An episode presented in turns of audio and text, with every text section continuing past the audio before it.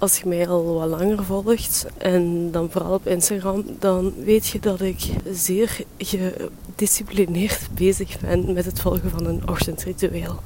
Ik sta iedere ochtend heel vroeg op. Ik doe dezelfde dingen iedere ochtend opnieuw.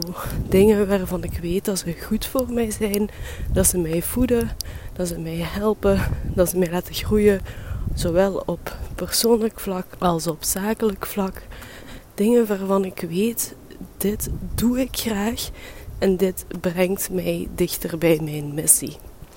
Dus ja, op Instagram kun je dat vooral zien iedere ochtend hoe ik mijn ochtendritueel weer deel en hoe ik daardoor stroom.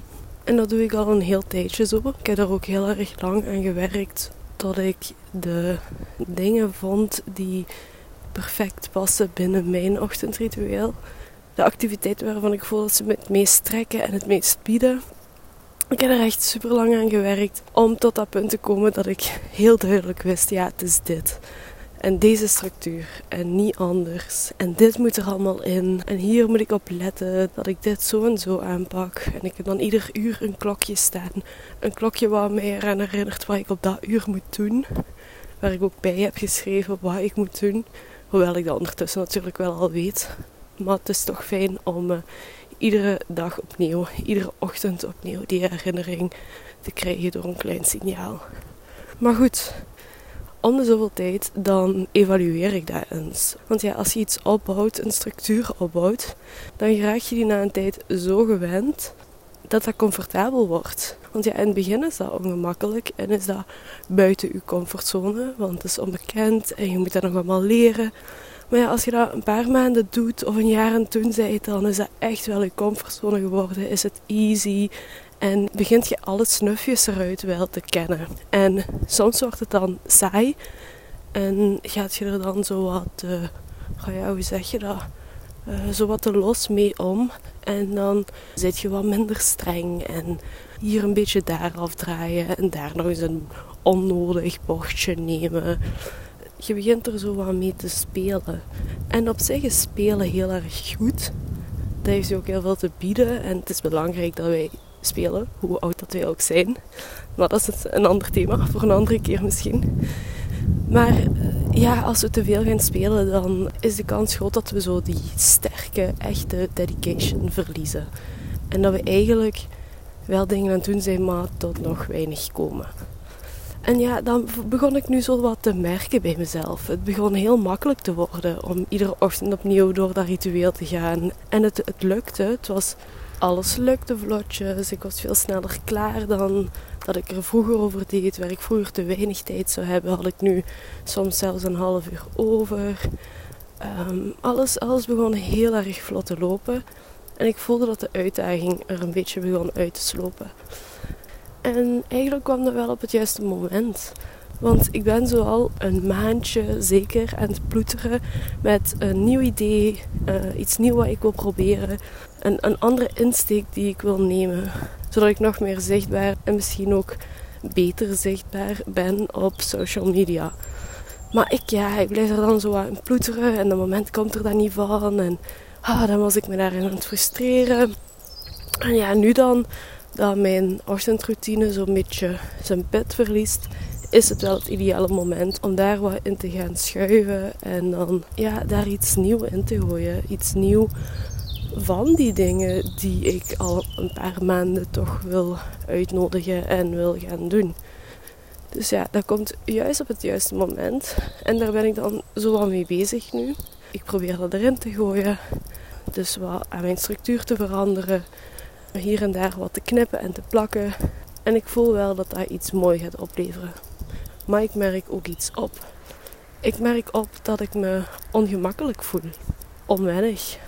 Ehm, eigenlijk, ik voel me niet zo goed. Ik weet ook niet zo goed hoe ik het moet beschrijven. En oh, gisteravond vond ik dat heel lastig. Ik zat zo wat te toppen en vond zo niet echt een blijf in mezelf. Ik ben dan uiteindelijk zo wat extra vroeg in bed gekropen. Nog wat gelezen. Maar toch wel wat vroeger gaan slapen dan normaal. En deze ochtend voelde ik dat nog wel een beetje op mij hangen. En ik heb zo de neiging om dan heel streng te zijn aan mezelf. Van, allee, pak je bijeen, je kunt dat en vecht erdoor. En ja, dat gevoel mag er zijn en bladibla. Maar anderzijds merk ik ook vaak dat ik hierin anders handel naar mezelf als naar mijn cliënten. En dat is echt omdat je, als je naar jezelf oordeelt, dan zit je daar waar je oordeelt. Dan kun je niet oordelen vanuit perspectief, dan kun je niet observeren vanuit perspectief. En dat besefte ik nu. En daardoor besefte ik vooral dat het belangrijk was dat ik even zou uitzoomen zodat ik nuchterder zou kunnen oordelen, zonder de frustraties te laten spreken die nu op mij wegen. Dus ja, dat deed ik. En daardoor kon ik zien wat ik eigenlijk zou zeggen tegen mezelf als ik mijn cliënt was. En zo besefte ik het. Eigenlijk is het heel logisch dat ik mij voel zoals ik mij nu voel. Ongemakkelijk, wat vervreemd, niet echt mijn weg vindend. Tuurlijk, en dat is vooral zo omdat ik dus stapjes neem uit mijn comfortzone.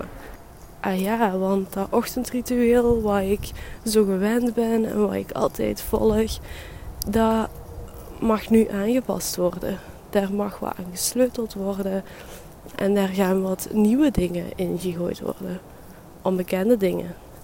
Dus die comfortzone van mijn ochtendritueel zoals dat er nu uitziet, die wordt opengesteld opengesteld voor het onbekende, voor nieuwe uitdagingen, opengesteld om stappen naar buiten te nemen.